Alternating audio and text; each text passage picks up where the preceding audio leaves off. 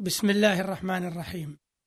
الحمد لله رب العالمين والصلاة والسلام على أشرف الأنبياء والمرسلين نبينا محمد وعلى آله وصحبه أجمعين.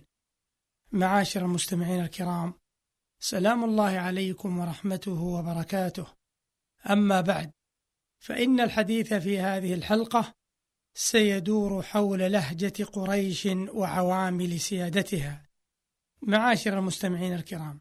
مر بنا في حلقة ماضية حديث عن اللهجات وأن هناك لغة مشتركة كان العرب ينظمون بها شعرهم وخطابهم وأنهم اصطلحوا على هذه اللهجة الفصحى. وهذه اللهجة أو اللغة المشتركة يطلق عليها أحيانا لغة قريش التي نزل بها القرآن الكريم ووصلنا بها الشعر الجاهلي. ولقد كان لقريش الحظ الأوفر من هذه اللغة مما حدا ببعض الباحثين إلى تسميتها بالقرشية. بل لقد استقر في نفوس الأسلاف أن هذه اللهجة الفصحى إنما هي لهجة قريش وأن قريشا كانوا أفصح العرب. وأنهم مع ذلك كانوا يتخيرون من كلام الناس أحسنه وأصفاه. قال أبو نصر الفارابي كانت قريش أجود العرب انتقاء للأفصح من الألفاظ وأسهلها على اللسان عند النطق وأحسنها مسموعا وأبينها إبانة عند النطق. انتهى كلامه.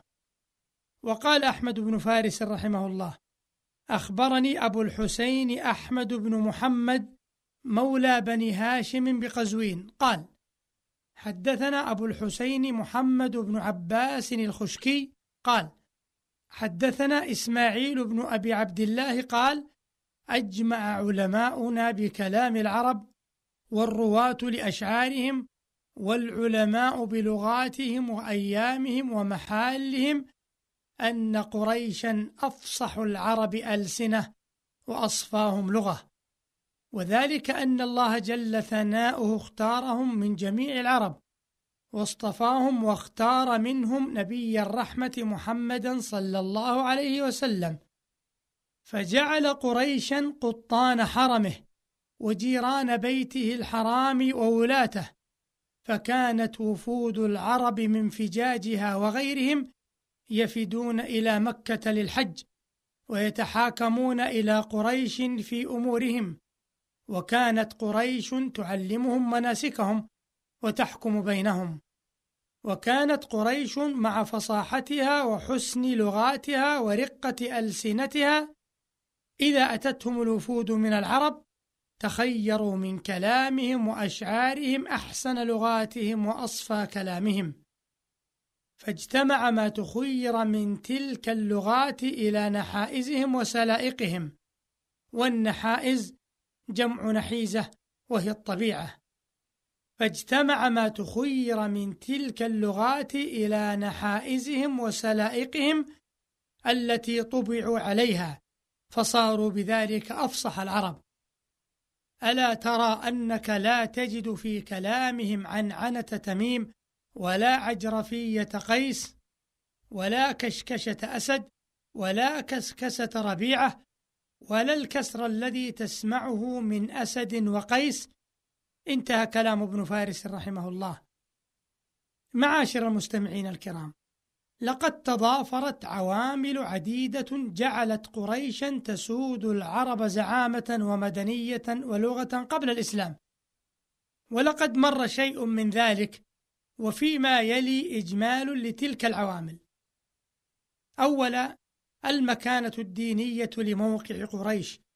فقريش تقطن مكة والعرب يحجون البيت الحرام ويعترفون لقريش بالنفوذ الديني. ثانيا العامل الاقتصادي. فأسواق مكة وشهرتها الاقتصادية وقيامها بين الشام واليمن جعل لقريش مكانة عظيمة بين القبائل. ثالثا العامل الثقافي حيث كان التجار والشعراء والخطباء يرتادون أسواق مكة ومنتدياتها الثقافية والأدبية ومما يدعم هذا العامل ما ذكره الرواة من أن العرب تعرض أشعارها على قريش فما قبلوه كان مقبولا وما ردوه كان مردودا. فقدم عليهم علقمة بن عبدة التميمي فأنشدهم قصيدته المشهورة هل ما علمت وما استودعت مكتوم أم حبلها إذ نأتك اليوم مصروم فقالوا هذه سمط الدهر أي قلادته. ويدلك على عنايتهم بأمر الفصاحة ما وصل إلينا من نتائج أفكارهم وبدائع خطبهم وقصائدهم في سوق عكاظ وسوق مجنة إذ يفدون عليهما في موسم الحج ويقيمون في سوق عكاظ ثلاثين يوما وفي مجنة سبعة أيام يتناشدون ما وضعوه من الشعر ويتفاخرون بجودة صنعة الكلام. وعند احتفالهم يضربون قبة للشاعر العظيم في وقته النابغة الذبياني ويعرضون عليه منتخبات أشعارهم. رابعا من عوامل سيادة لهجة قريش العامل السياسي والجغرافي حيث كانت مكة أبعد المناطق عن صراع الفرس والروم والأحباش. فعلى حين تعرض عرب الشام والعراق واليمن وأطراف الجزيرة إلى الخطر دائما من عدوهم وأنهم قد اختلطوا بالأعاجم مما أدخل في لغتهم الكثير نجد أن أهل مكة يعيشون في استقلال وحرية وبعد عن الأخطار مما جعل العرب ينظرون إلى مكة وأهلها نظرة تقدير وإجلال. خامسا أيام العرب وهي الحروب التي كانت تشنها قبائل العرب بعضها على بعض أو تشنها على الأجانب لأي سبب من الأسباب. وكان دعامتهم في هذه الحروب الكلام البليغ الذي يلجأ إليه قوادهم ورؤساؤهم وسادتهم وجنودهم للتفاخر وتعداد المآثر واستفزاز الهمم والحث على الشجاعة.